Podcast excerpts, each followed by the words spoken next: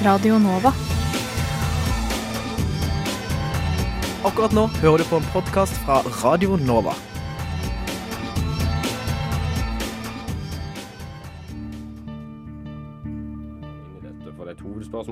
Vært siden eh, Noam Chomsky etablerte den greina av lingvistikken som, som jeg befinner meg i. Vi håper jo på bredest mulig oppslutning om SV, og jeg tror at det eneste som kan få norsk løsner båndene mellom staten og kirka, og forhåpentligvis fører til tettere bånd mellom kirka og folk. Så hadde de gjort som andre fjøringsbevegelser i verden, hadde de helt legitimt kanskje tatt i våpen. Og, så direkte skildring av menneskeskjebner tror jeg ikke vi har sett i noen annen nyhetsdekning av noen annen terroraksjon. Det er såpass store forskjeller mellom den kalde krigen, hvor det var to supermakter som sto mot hverandre, eh, og den situasjonen vi har i dag. Du hører på samfunns- og aktualitetsmagasinet Opplysningen 99,3 på Radio Nova. Opplysningen 99,3 på Radio Nova. Forrige uke holdt Nord-Korea sin hittil største prøvesprengning. Hva vet vi egentlig om dette uskikkelige landets atomprogram? Og søndag så er det valg i Russland. Kan vi ane en ørliten bevegelse i en mer demokratisk retning? Vil konkurranse på jernbanen føre til en bedre jernbane for deg og meg, eller er det en utelukkende ideologisk reform fra regjeringen? Opplysningen tar debatten.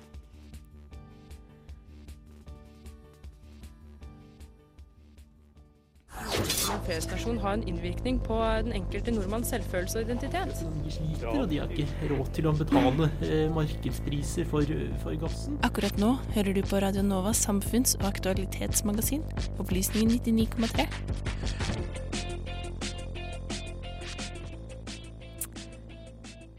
God formiddag, god fredag og velkommen skal du være til denne ukas Opplysningen 99,3.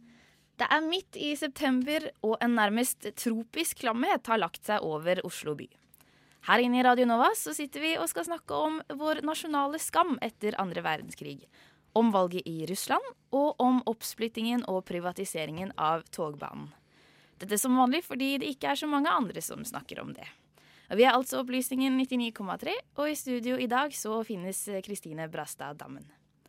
Aller først så skal vi ta et historisk tilbakeblikk til Norge under andre verdenskrig.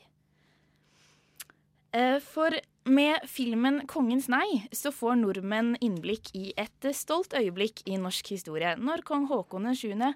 motsetter seg nazistenes okkupasjon i april 1940.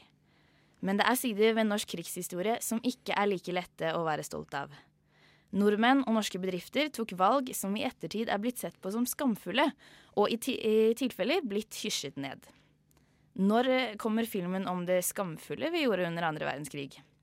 Med oss i studio er Eirik Breischer. Du er historiker ved Høgskolen i Sørøst-Norge. Velkommen skal du være. Takk, takk. Så um, Kongens eh, nei, den har kommet på kino nå. Eh, ehm, og det er ikke den eh, første uh, heltefilmen fra andre verdenskrig. De fleste husker sikkert uh, filmen Max Manus, som gjorde det veldig bra på kino. Og vi skal nå høre et lite klipp fra Kongens nei.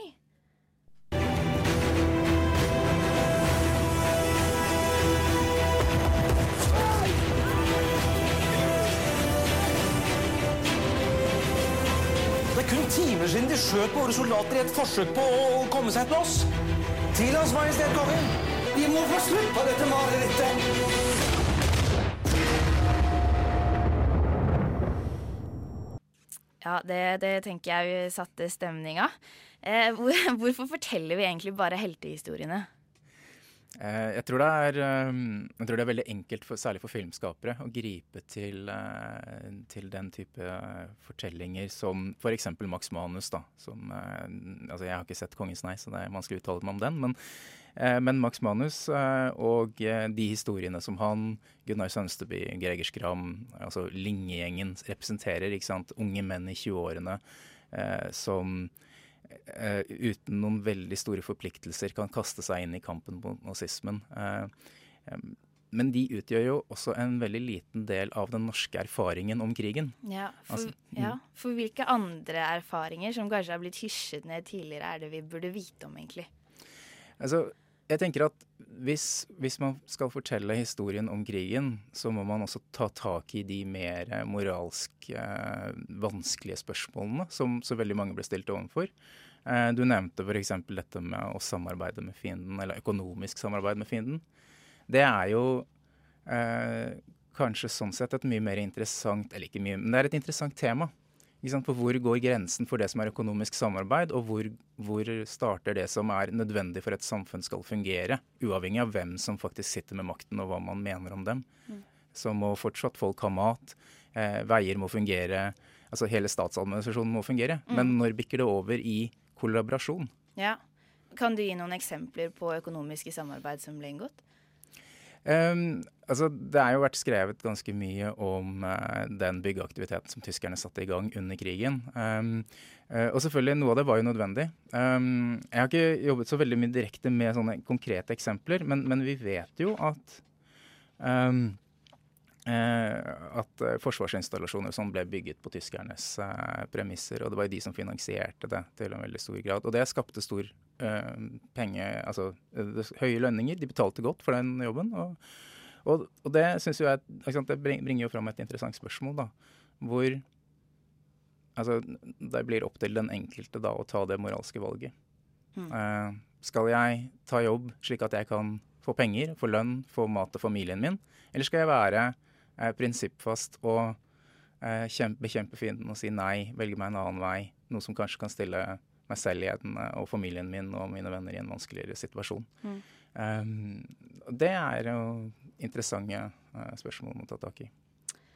Um, jeg blitt fortalt at uh, under mobiliseringen av Hæren i 1940, da, da tyskerne kom til Norge, så var det bare halve hæren som møtte opp.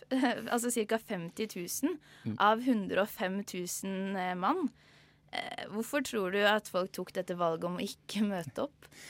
Altså det, er litt forskjellige forklaringer på det. Altså Den norske førkrigshæren var satt opp til å, å, være som du sier, ca. 105 000 mann når den ble fullmobilisert.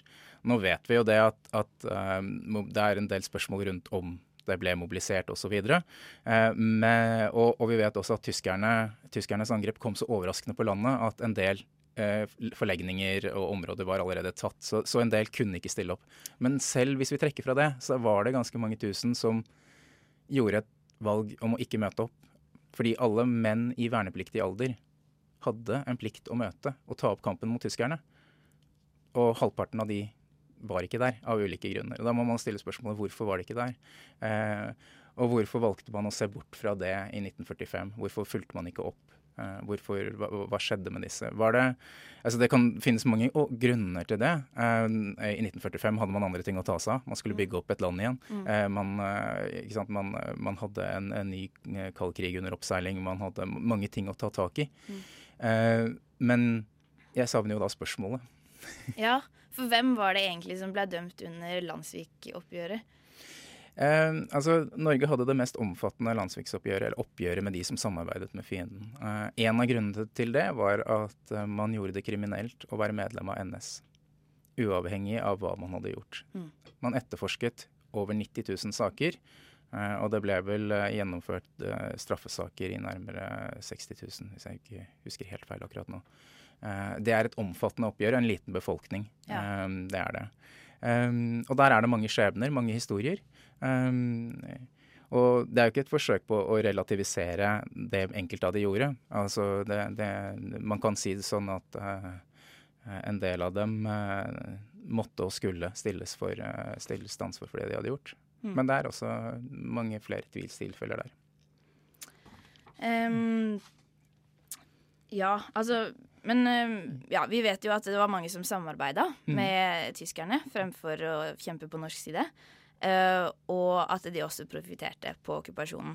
Um, altså Var disse tyskervennlige i utgangspunktet, eller ble de det, de medlemmene av NS?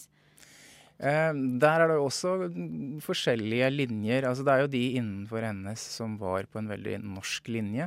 De ønsket et, et selvstendig Norge innenfor et tysk-dominert Europa. Eh, men du har også så, sånn at de og deres forsvar etter krigen var jo at de kjempet for Norges interesser under krigen.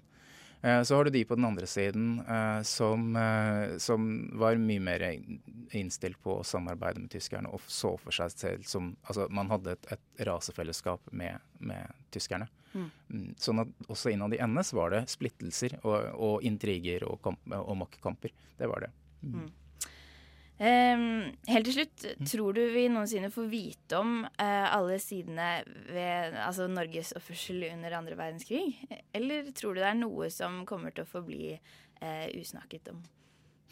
Jeg tror interessen for andre verdenskrig er så stor i det norske samfunnet i dag at eh, Og jeg må si det overrasker meg faktisk at perioden fortsatt er så interessant. Eh, og når du ser på antall publikasjoner, antall bøker, forskere som jobber med andre verdenskrigs-tema, så, så tror jeg, vi, så tror jeg mye, det er mye som gjenstår, og som kommer til å komme fram og kommer til å bli debattert og diskutert eh, i mange, mange år fremover. Mm. Ja, nå inviterer jo til og med kongefamilien til utekino i, på, i sin eh, bakgård. Skal vise den nye krigsfilmen 'Kongens nei'. Um, det, ja. Da, det ser vi fram til. Uh, og takk skal du ha, uh, historiker Eirik Breischer, for at du kom i studio. 31.12.2016 så er det slutt for jernbanen slik du kjenner den i dag. 1.1.2017 så opprettes det nye Jernbanedirektoratet. Jernbaneverket skifter navn til Bane Nor.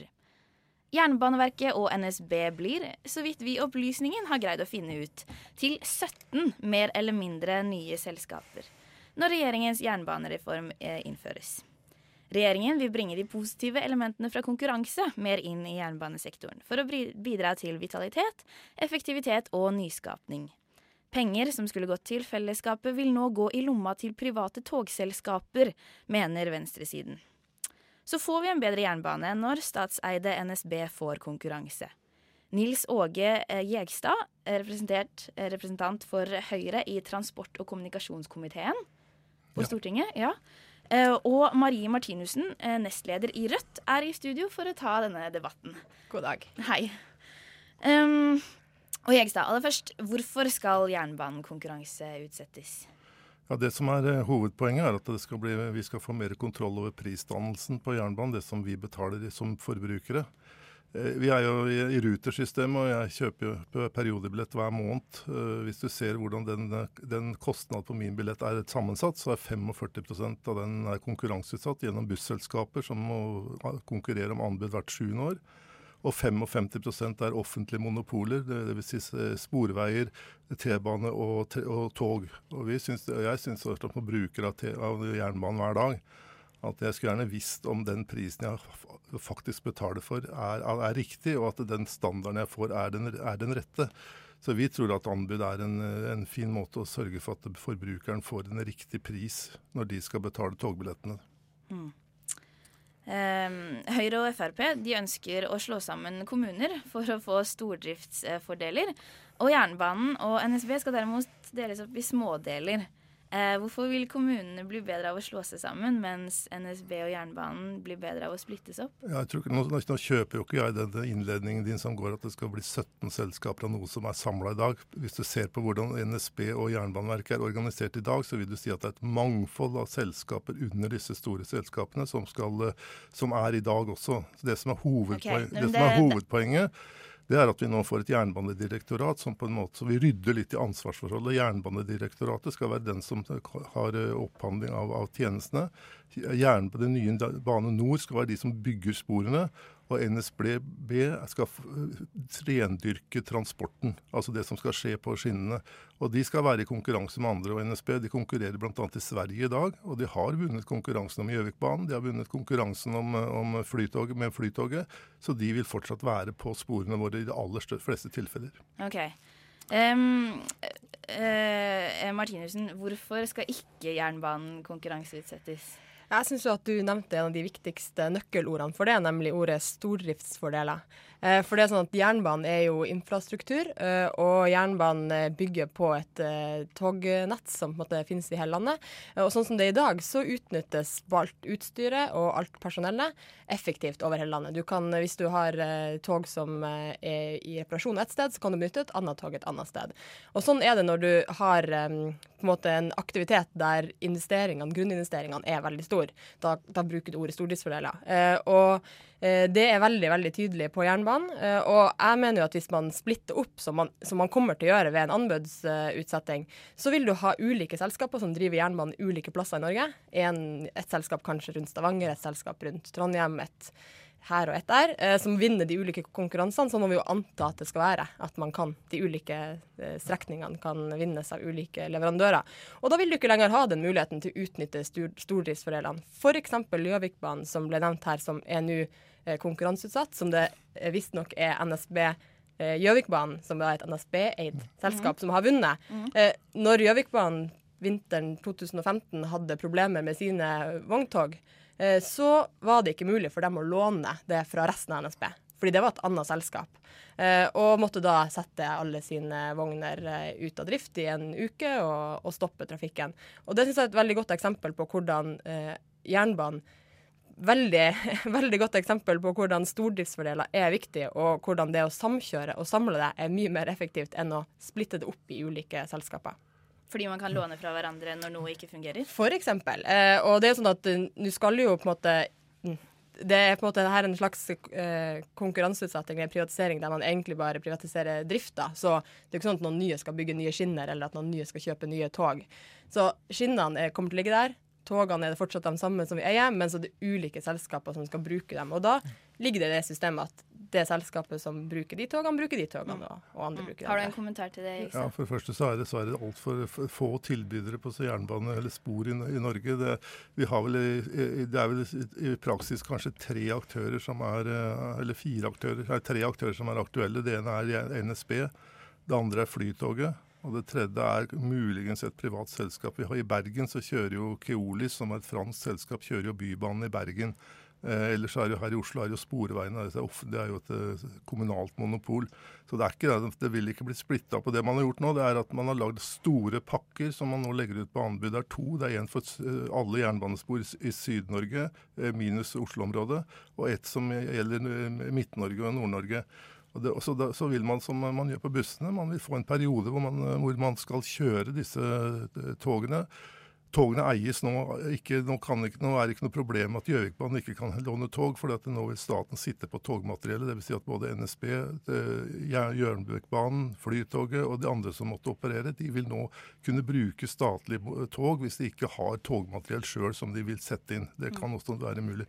Så det er ikke en oppsplitting, det er en helt feil. Dette er en samling av, av ansvar.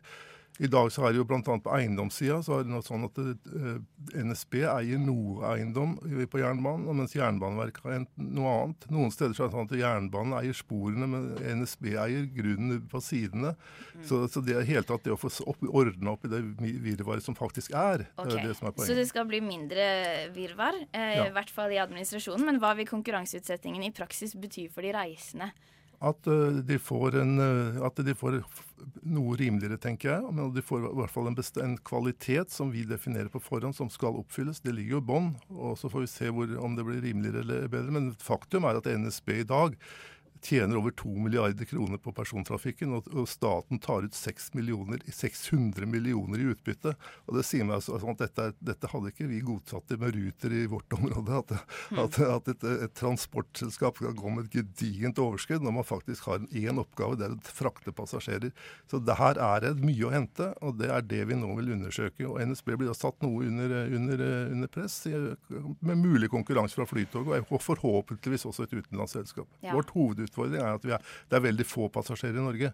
Så det er ikke det store markedet sånn sett. Derfor er vi nødt til å sette sammen flere jernbanelinjer for å få et grunn, passasjergrunnlag som gjør det interessant å, å transportere. Hm, Ja, Martinussen, er det ikke positivt med lavere priser for de reisende? Eh, Jeg lurer på hvor, eh, hvordan egenskaper min motdebattant her som gjør at han kan forutse at det kommer til å bli lavere priser ved konkurranseutsetting. Det er jo ingenting som tilsier at det er nødt til å bli det. F.eks. i England, som har privatisert sin eh, jernbane, så har prisene økt med 54% de siste ti årene, og er en dyr og kaotisk og dårlig jernbane, der de vurderer å renasjonalisere og samle all jernbane til én leverandør. Så at det skal bli billigere, det, det, det, den, den visjonen kjøper jeg på en måte ikke. Og jeg syns også litt rart å skulle eh, måte si, man skal liksom privatisere for å få mer kontroll. Fordi hvis du har lyst på et gitt kvalitetsnivå, eller du vil sette noen 90 krav, så er det fullstendig mulig å sette de kravene også til NSB sånn som det er i dag.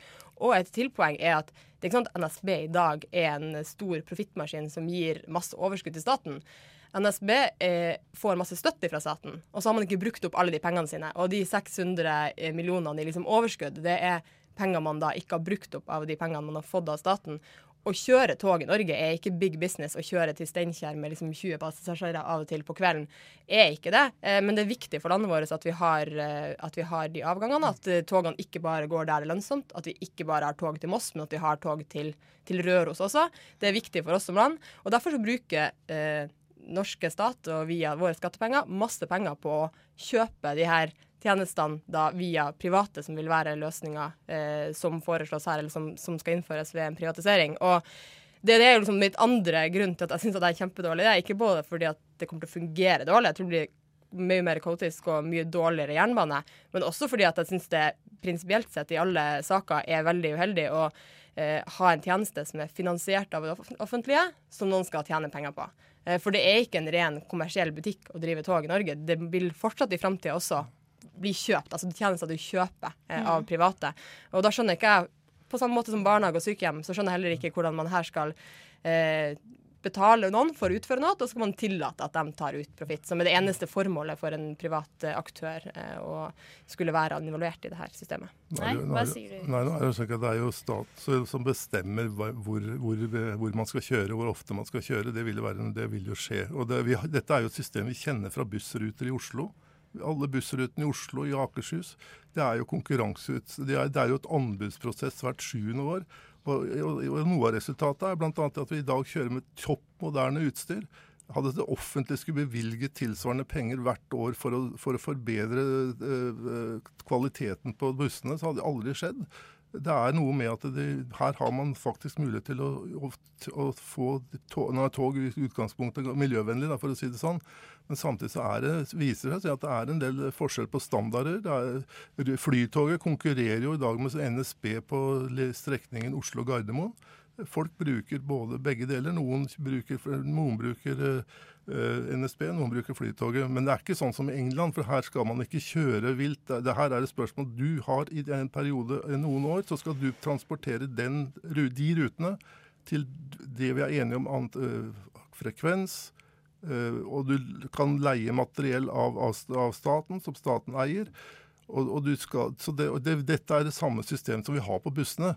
Og det fungerer veldig bra med bussene. Og det var faktisk en ganske stor nedgang i kostnadene på busstransporten i Oslo og Akershus da vi satte ut disse eh, anbudene første gang.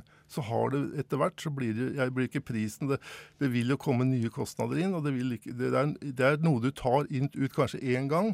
Og så vil du etter hvert få en mindre utbytte av det, fordi at du har gjort de rasjonelle tingene ganske fort. Men når staten skal bestemme både hvor toget skal gå, hvor ofte toget skal gå, staten skal eie eh, vognene, og staten skal eie jernbanen, og sånn sett staten skal utføre vedlikehold. Da skjønner jeg ikke helt hva du på en måte konkurrerer om. For det er ikke sånn at hvis jeg står i Halden og skal ta toget, og så kommer ikke det toget jeg skal ta, så kan jeg på en måte velge en konkurrent. Fordi den jernbanestrekninga jeg skal ta, er allerede satt ut til en leverandør. Det er ikke noen konkurrent der. Nei, det er ikke noen konkurrent der. Og på Jæren eller der for, det skal sånn være. Ikke, sånn skal det ikke være heller. For Nei, det, er, da, det, er ikke sant, skal, det er ikke et, et, et, to-tre selskaper som skal kjøre på samme skinnene. Det er sånn som i England. Har vi, de har ikke kundegrunnlag for sånt. Så det er ikke å sammenligne England er helt håpløst. For er, her er det snakk om mer som bussene. Du får, en, du får en pakke du skal transportere på.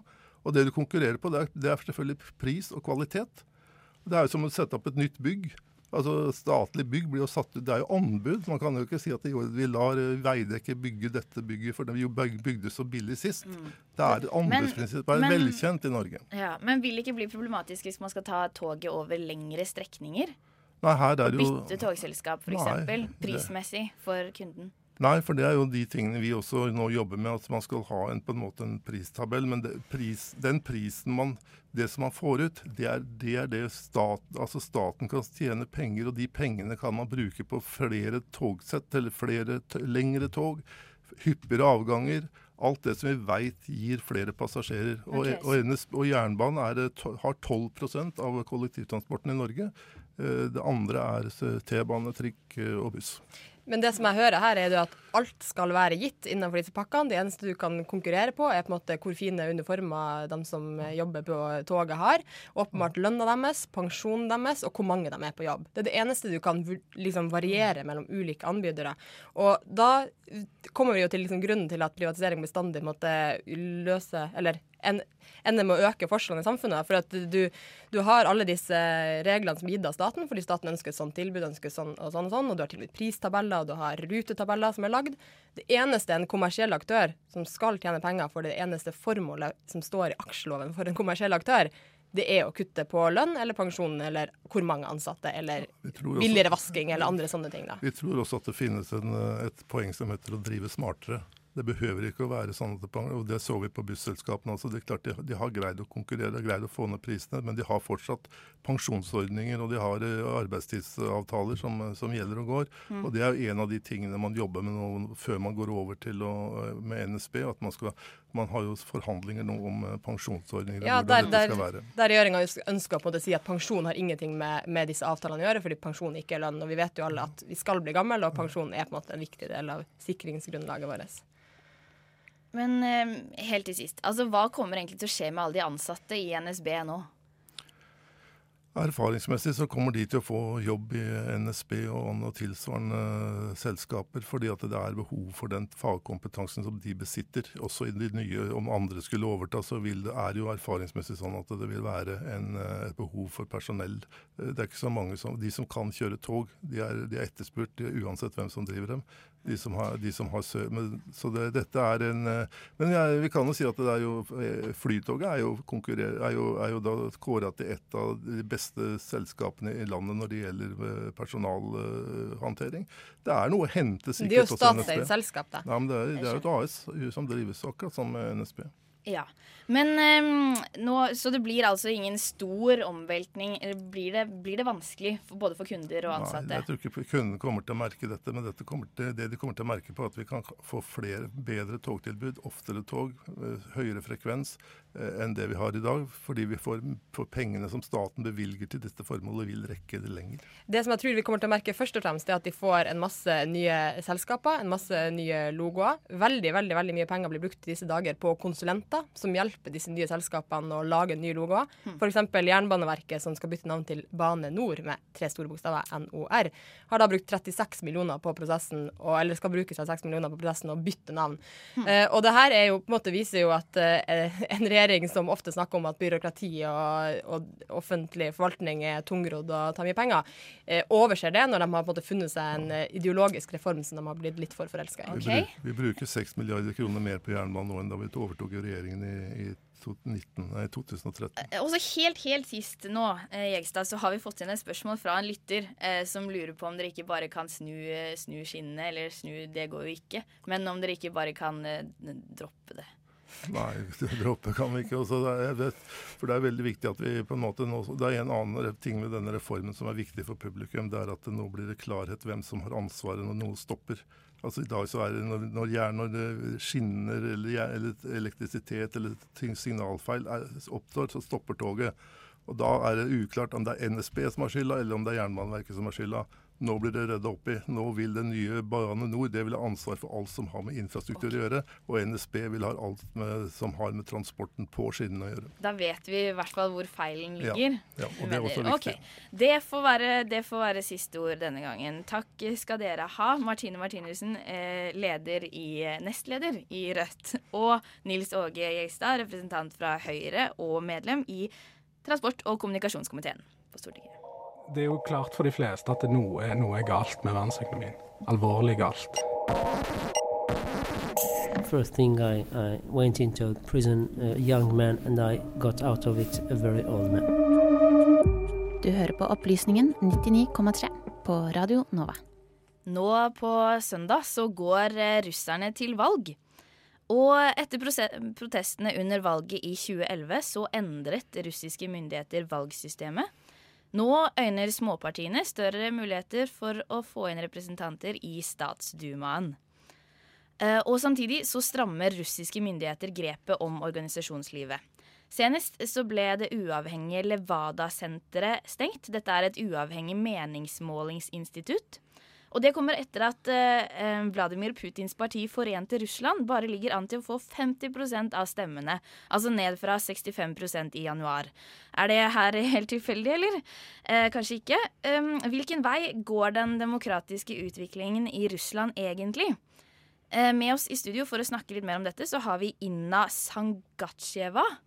Eh, du er seniorrådgiver i Helsingforskomiteen, og Jardar Østebø, doktorgradsstipendiat ved UiOs eh, russlandsstudier. Velkommen skal dere være, begge to. Takk. Um, hva er det valget på søndag handler om? Eh, Jeg vil bare først eh, rette opp at eh, Levada-senteret er ikke stengt ennå. De er blitt oppnevnt som utenlandsk agent, men det er en lang prosess. De skal gå til retten. Også veldig flere sosiologiske institusjoner som har skrevet brev i forsvar av Levada-senteret. Så der er kampen er ikke ferdig ennå. Okay, men det har blitt foreslått stengt? Ja, men dette er en prosess. Også altså på lista av utenlandske agenter, så i dag har vi rundt 144 organisasjoner. Og veldig, de fleste av dem fungerer fortsatt. Så det er bare to-tre organisasjoner som blir faktisk stengt. Så der er det kamp, og valg faktisk bringer ganske også en, en del muligheter. Særlig for representanter for opposisjonspartiene, som representert ved Jablokka og Parnas. men også noen eh, politikere eller eh, de som nominerer seg gjennom en, enkeltmannkretser. Så dette er en mulighet på den ene siden. På den andre siden så du har, helt rett at etter valget i 2011 så protestene eh, da så ble eh, valgloven på en måte liberalisert. Men hvis, hvis, vi ser nøye på selve valgen, altså den, den loven, valgloven, så ser vi at eh, det at i, i forrige valg så var det syv partier som kunne delta. Mm. Nå eh, kunne 74, eh, 74, partier delta, men nå er det bare 14 som faktisk er registrert. Eh, så Eh, og, og, du har også helt rett. Det er på en måte begge deler. Det er både en slags liberalisering, men på den andre siden også ganske strenge regler. Altså det er myndighetene som bestemmer alt. Altså dato for valget, eh, hvordan det skal skje, hvem, hvem, og hvordan. Også, dette er veldig strenge. Også dette med å observere valg er også blitt mye mye strengere for eh, organisasjoner. Okay, men hvilken reell mulighet har disse 14 partiene, var det det du sa, ja. til å komme inn i Statsdumaen? Eh, det er en tvil om de opposisjonspartiene faktisk kommer inn eh, også om, om Parnas og Jabloko klarer å, å, få 5% Det er jo den grensen for å komme inn. Mm. Men på den andre siden, vi har jo, jo eh, eh altså kjente politikere som f.eks. Dmitrij Gutkov, som er den eneste opposisjonspolitikeren nå i dag i Duma. Uh, vi har Vladimir Rysjkov, som også representerer Jabloko osv. De er ganske kjente og har vært i politikken lenge. De har muligheter. Og igjen, per i dag, så, så forrige sjette Duma, der var bare Gutkov som representerte en uavhengig politiker. altså, han var en uavhengig politiker. Etter valget så kan vi ha flere. Og okay. det er også positivt. Ok, Men det er altså ikke Vladimir Putin som, stiller, som står til valg? Eh, Vladimir Putin er eh, president, og han ser sin rolle som uavhengig observatør overfra ned. Eh, så han prøver å, plassere seg eh, mest mulig eh, på en måte som om han, han på en måte skal vise verden ut at det, dette er et legitimt prosess, og han skal bare ønske alle partiene å delta. Men så sitter han selv på tribunen og observerer hvordan hele løpet skal foregå. Mm. Um, hvor ofte er det Russland holder slike valg? Er det hvert femte år? Eh, nå har det blitt endret. Eh, ja. Siden sist så er det femte år, ja. Mm. Mm. Um, ja, uh, altså Det um, Ja, altså til uh, de demonstrasjonene som, uh, som, kom etter valget i 2011, så ble det mobilisert ganske kraftig gjennom sosiale medier. Og eh, på Universitetet i Oslo så har dere et forskningsprosjekt hvor dere ser på nettopp eh, dette. Hva er det dere vil finne ut? Ja, det prosjektet har nå foregått i uh, ca. to uh, år. Um, og da er det da uh, særlig jeg som driver på heltid på dette prosjektet. Postdoktor, da, ikke stipendiat. Um, og i tillegg prosjektleder Geir Flikke, som er førsteamanuensis i Russland-studier. Um, særlig vi to som um, studerer sosiale medier, hvordan det har blitt brukt av protestbevegelsen. Um, det er jo en sånn debatt da om um, internasjonalt uh, blant de som studerer både ja, demokratisering, protestbevegelser, uh, og de som studerer um, uh, internett og sosiale medier generelt, om altså virker, virker dette demokratiserende? Altså tilgang på sosiale medier. hvem stiller sterkest? Stiller det grasrotbevegelser, sosiale bevegelser? eh, opposisjon osv. Stiller de uh, Er det de som stiller med de sterkeste kortene, eller er det kan du si de som allerede har makt, autoritære regimer osv. Så, videre. så vi fokuserer da på Russland. Um, og um, det som foreløpig, kan man si, har vært et funn, det bygger jo da på um, at Altså det, har, det, har, vært påpekt fra internasjonale forskere at Eh, og analytikere, og til og med også deltakere i, i disse protestbevegelsene, at eh, det russiske regimet var ganske flinke til å, å snu på eh, femøringen på en måte, da disse protestene eh, oppsto eh, i 2011 og, og fortsatt utover 2012. Um, og at de har truffet en, en rekke til, tiltak for å Eh, si, gjør det vanskeligere å mobilisere via sosiale medier. Men det, det vi også har funnet ut, eh, det vi har funnet ut via case studio og sånn, er at Eh, opposisjonen er, har også en hel del problemer. Den liberale opposisjonen eh, har også en hel del problemer med hvordan den fremstiller seg selv eh, og sine demonstrasjoner. hva de vil, hva som er galt i dag. de har problemer med å fremstille det på en måte som appellerer til utover de kan si, urbane, liberale sirklene som eh, deltok i disse store eh, demonstrasjonene for fem år siden. Um, så det er et funn. Og et annet funn er jo også at um, eh, regimet og eh, organisasjoner som støtter regimet, delvis eh, da kontrollert av regimet, de også, har også um, en I tillegg til at Eh, man opererer med hackere og nettroll osv., sånn profesjonelt ansatte, så er det også da legitime organisasjoner som eh, jobber aktivt for å, eh, for å demobilisere, da, sånn at folk helst ikke skal bruke sosiale medier til og de skal, de skal ikke ut på gatene. Folk skal helst sitte hjemme, se på TV, Mm. og er fornøyd med det. Ja, for hvordan står det egentlig til med opposisjonen i Russland? Altså, det er jo i, i fjor vinter så var jo den, eller den eh, Boris Nemtsov fra partiet Parnas, som var opposisjonelt til Putin, ble jo skutt og drept rett ved Kreml. Er det mange som tør å, å vise tydelig at man er uenig i regimet i dag? ja, det er, det er kommer an på hva du mener med mange, men etter den um, Uh, etter det eh, mordet så, uh, så, var det jo en sørgemarsj hvor det var flere titusener som deltok. det vi ser når det gjelder demonstrasjoner, da, som er det særlig jeg fokuserer på, er at det er mange sosiale protester uh, rundt omkring i, uh, i, regionene. Mange isolerte protester. Altså det, er, det, er, det, er, mer protestvirksomhet nå, selv om det ikke er de store massedemonstrasjonene. Så er det mange små. Uh, nedleggelse av sykehus, le, leger protesterer, helsearbeidere, lærere. trailersjåfører, ikke minst.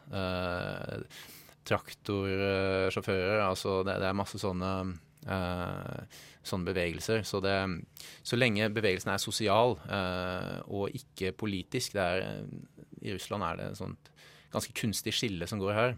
Mm. Um, for hvis noe er politisk, så er det liksom farlig. Uh, og da Det er noe sånn skittent som bare profesjonelle politikere tar seg av. Uh, jeg har liksom ikke den den linken mellom det, det hullet i veien som man ødelegger bilen sin på hver uh, morgen, uh, det er politikk. Det er, det er sånn som uh, opposisjonsleder Aleksej Navalnyj prøver å, prøver å, å lage da, denne, denne, forbindelsen, men fortsatt, fortsatt, vanskelig å gjøre det. Så det er sånn sosial protest det er legitimt. Da, så appellerer de gjerne til Putin da, mot regjeringen, selv om hmm. den er Så man ønsker egentlig ikke å si at man er engasjert i politikk eller politiske spørsmål fordi det er litt skittent? Eh, ja, det er en, en, en veldig vanlig oppfatning uh, utenfor da, de få aktive uh, eller politiske aktivister. Da. Ok, Men tilbake til de som faktisk ønsker å være profesjonelle politikere. eller Hvis vi får inn noen flere småpartier nå i statsdumaen i Russland, hvilke følger kan det potensielt få? Um, jeg vil bare se kort også hva posisjonen i Russland. Uh, kjapt. Altså, du har systemopposisjon og ikke-systemopposisjon. Altså, systemopposisjon er de som sitter i Duma. Er kommunistene, LGBT, uh, uh, partiet og Rettferdighetsrussland, men de er i systemposisjon. De er stort sett er samme, representerer samme politikk som Forent Russland. Og så har de jo ikke systemposisjon, eh, og den også deles i forskjellige bulker. Du har bulken som stiller til valget, og du har bulken som ikke stiller til valget. Og de som ikke stiller til valget, de vil boikottere eller uh, snakke og diskutere dette med at man, dette systemet fungerer ikke, vi skal ikke stemme. Uh, men ikke systemposisjon er Jablka og Parnas, de stiller opp. Så svaret på ditt spørsmål, er på den ene siden, ja ja, eh, Jablka Parnas har små sjanser. Eh, hvis de kommer inn eh, gjennom enkeltmannskretser, så er det mulig for dem å danne allianser internt. Det er mulig for dem å, å, også å representere og påvirke lokale representative eh, velgere regionalt. Russland er et stort land. Og eh, for det tredje er det mulig for de som har protesterer, som jeg hadde snakket om, å faktisk søke deres allianse. Ok, Så etter søndag så kan vi altså se noen eh, gradvise endringer i Russland. Det får bli siste, det siste vi eh, sier i dag eh, om Russland. Eh, takk skal du ha, Inga Sangacheva, seniorrådgiver i Helsingfors Forskerkomiteen og Jardar Østbø, doktorgradsstipendiat ved Universitetet i Oslo. Radio Nova. Forrige fredag, 9.9, så kom meldingen om at Nord-Korea igjen hadde gjort en prøvesprengning av en atombombe. Og denne bomben skal ha vært på størrelse med sprengningen i Hiroshima. Eh, og til tross for alle sanksjonene fra verdenssamfunnet, så fortsetter Nord-Korea å utvikle atomprogrammet sitt. Hva består Nord-Koreas atomprogram av, og hvor, hvorfor fortsetter de bare å utvikle det? Med oss i studio for å svare på dette så har vi Halvor Kippe. Du er seniorforsker ved Forsvarets forskningsinstitutt. Velkommen. Tusen takk. Hvorfor driver egentlig Nord-Korea og prøvesprenger atombomber hele tiden? Det er jo sånn at Hvis du har et kjernevåpenprogram, så vil det være uforsvarlig å sette våpen ut i aktiv tjeneste uten å teste dem på forhånd. Så det er gode tekniske argumenter for å teste en kjernevåpendesign under jorda før du plasserer det på f.eks. missiler. Ja, OK. Så, så, de må altså teste før de skal sette ut dette atomprogrammet i aktiv tjeneste. Hva, hva legger du i det? Med det så legger jeg at de kan ha missiler som er stasjonert et sted i landet, som er mulig å klargjøre på relativt kort tid. Eh, og at det finnes kjernefysiske stridshoder som kan monteres på disse missilene, eh, og således utgjør en trussel. Og det vil jo være sånn at Nord-Korea ønsker å ha, være trygge på at sine våpen vil fungere så å si hver eneste gang. Eh, motparten kan jo oppleve det som en trussel lenge før Nord-Korea når det punktet, men de fleste land tenker på den måten at ting skal være grundig testet ut på forhånd før de, før de utplasserer det. Mm. Men føler, fører Nord-Korea seg truet? Eh, er det derfor de ønsker å ha dette atom altså disse atombommene i bakhånd? Ja, Hvis man skal se på uttalelsene som Nord-Korea har kommet med, spesielt siden 2005, så har de omtalt dette som en kjernefysisk avskrekking. Og de har også sagt eksplisitt at den avskrekkingen er rettet mot USA for å forhindre en amerikansk inngripen.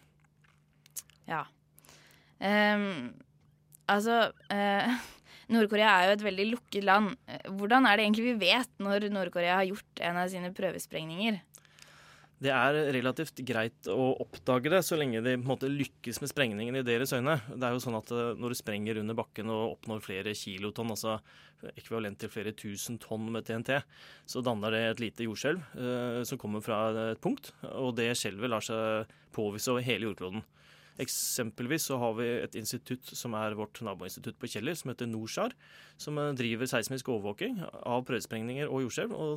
Disse er blant de aller beste i verden til å påvise jordskjelv, og de kan gjøre vurderinger av skjelvstyrken fra andre siden av jorda med høy presisjon. Såpass. Men altså, disse sprengningene Vi er jo litt opptatt av miljø her i redaksjonen, og de må vel gjøre store skader på miljøet? Ja, og det er jo et interessant spørsmål, fordi det er politisk ukorrekt å prøvesprenge et kjernevåpen. Det er langt mer politisk ukorrekt å sprenge dem i atmosfæren. Så de landene som har prøvesprengt eh, egentlig siden, stort sett siden 80-tallet, har jo for det meste gjort det under bakken. Og etter hva jeg ser av hva Nord-Korea uttaler, så er det et poeng for dem å å slå fast at det ikke har vært noe miljøpåvirkning utenfor testfeltet. At det ikke har sevet ut nevneverdige radioaktive gasser fra prøvesprengningen. Så det gjøres et poeng ut av. Det er nok antagelig for å unngå kritikk også på det punktet. Hmm. Ehm, altså, hvordan vil du egentlig beskrive Nord-Koreas atomprogram sånn som vi kjenner det i dag? Hvis har- vi kjenner det. Ja, vi kjenner en del til det. Det vi kjenner best når det gjelder de spaltbarmaterialene, det er plutoniumbeholdningen. Der har vi hatt internasjonalt innsyn fram til april 2009, litt av og på fra 90-tallet og 2000-tallet. Der, der kan vi estimere ganske godt den øvre mengden med plutonium de kan ha produsert helt til i dag. Eh, Det reelle tallet er helt sikkert mye lavere enn det teoretiske maksimum. Det gjør at de kan ha størrelsesorden kanskje ti kjernevåpen, men her spriker estimatene noe. Men det kan være rundt ti våpen, eller, eller kan godt være 15 nå, som er klare til testing eller bruk, som er basert på plutonium. Men vi vet litt mindre om uranprogrammet, for de, både, de kan ha kjernevåpen både med plutonium og uran. Der har vi ikke hatt internasjonal verifikasjon som vi sier, på urandelen av kjernevåpenprogrammet. Vi vet den maksimale nominelle kapasiteten som de har i ett kjent anlegg. Og ut fra det så kan vi estimere at det, det rimeligvis kan være snakk om kanskje rundt 20 kjernevåpen med uran hvis de har enten uran eller plutonium. De kan ha en blanding også. Men det er grove estimater. Det kan godt være 25, det kan godt være 5, det kan godt være 0. Mm. Så ja. Ok. På internasjonal skala, hvor, hvor stort er dette programmet egentlig? De har jo begge de sporene, plutonium og uran, eh, og de har eh, et mangfold av mulige leveringsmidler som har vært testet i stor grad med høy frekvens, spesielt i år. Høyere, høyere frekvens enn noen gang tidligere i Nord-Korea. Og de har gjort en masse for å gjøre disse missilene klare til å levere kjernevåpen. Og sånn sett er det naturlig kanskje å begynne å sammenligne dem med, med India og Pakistan, hvor langt disse har kommet. De har holdt på langt lenger enn Nord-Korea, eh, og de har antagelig mye større beholdninger av uran og plutonium, og sannsynligvis mange flere kjernevåpen. Mm. Men teknologisk så eh, kan man begynne å sammenligne det med India og Pakistan, og ikke med de fem faste anerkjente kjernevåpenstatene enda. Mm. Du sier at det har vært eh, særlig mange prøvesprengninger det siste året, eller høy frekvens. Missiltester det siste Missil- året spesielt. Ja. Altså, Hva slags stridsevne er det egentlig Nord-Korea prøver å oppnå? Der kan det være flere ting de ønsker å oppnå. Til nå så har vi kanskje sett på dette som en sånn slags sisteskansevåpen som kanskje kan settes i tjeneste eh, når alt annet håp er ute. Men nå er det altså snakk om å utvikle ubåtleverte missiler. Eh, det kan sikre landet en, en andreslagsevne, altså en gjengjeldelsesevne. Dersom alt på landjorda blir utslettet av motparten, så kan det være en ubåt ute og seiler eh, og som kan avfyre en, en gjengjeldelses, et gjengjeldelsesangrep med missiler med rekkevidde på kanskje over 1000 km. Det er en ganske formidabel trussel. Nå er ikke de ubåtene spesielt eh, stillegående og, og moderne, men det er noe vi ser komme. De har også landmobile missiler, altså ting som kan rulles ut på en mobil rampe fra en fjellhall. Og, og de missilene de har til nå, har en klargjøringstid på mange timer. Men de utvikler altså såkalte faststoffmotorer som kan gi dem en klargjøringstid på langt kortere tid, altså snakk om kanskje under en time, eh, og som kan avfyres eh, med, med kort varsel. Eh, Og kanskje i hundretalls, hvor kanskje noen av dem har kjernefysiske stridshoder. Så, så vi ser en mangfoldiggjøring av leveringsmidlene som er veldig bekymringsverdig. Og de ønsker også å utvikle missiler som kan nå eh, USA. Fastlands-USA. Dette høres jo ut som en enorm trussel mot internasjonal fred og sikkerhet. Eh, ja, og ifølge internasjonal rett så er jo nettopp dette en grunn til å gå til krig mot et land. En lovlig Ja. Eh, altså hvis verdenssamfunnet skulle gått til krig mot Nord-Korea, hvordan kunne dette blitt gjort? Er det mulig? Det er litt vanskelig å svare på, men eh, Nord-Korea har har jo disse kjernevåpnene som, som er eller er ikke satt i tjeneste. Der er man litt uenige. Man kan i hvert fall ikke, etter mitt skjønn, utelukke at de er satt i tjeneste nå, etter det som har skjedd i år.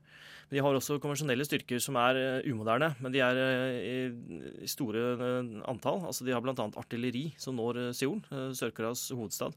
Så, så de vil ha evnen til å slå tilbake på mange vis. da. Det snakkes også om at de har biologiske og kjemiske våpen. og Det er mye vanskeligere å bevise enn at de har kjernevåpen. Så altså, man vil Altså, det er rett og slett ikke, Man vil ikke gå til krig mot Nord-Korea, fordi man vil ikke ha det etter seg, det de har, er kapable til å gjøre. Det vil jeg si meg enig i, ja. Ja. Um, altså, vil vi se flere prøvesprengninger fra Nord-Korea i nærmeste framtid, tror du? Det er i hvert fall vanskelig å utelukke det. For nå er det jo sånn at eh, beholdningen av uran og plutonium kan være så store at de på en måte ikke står i fare for å bruke det opp. Og så ser man også at eh, i dette testkomplekset under bakken i et fjell, så er det tre portaler, og det har vært aktivitet ved de portalene som, kan tolkes dit hen at de har faktisk gjort klar flere tester som kan komme. Men der liker Nord-Korea å være tvetydige. De liker ikke å vise kortene sine. Nei. Da er det bare å være litt sånn ekstra følsom vet du, om det rister litt når du går i bakken. Ja, bare følg med på seismografen din. Ja. De, ja. Eller skaffe seg en seismograf. Det kan jo også være spennende. Takk til deg, Halvor Kippe, seniorforsker ved Forsvarets forskningsinstitutt. Du har hørt en podkast fra Radio Nova. Likte du det du hørte? Du finner flere podkaster i iTunes og på våre hjemmesider radionova.no.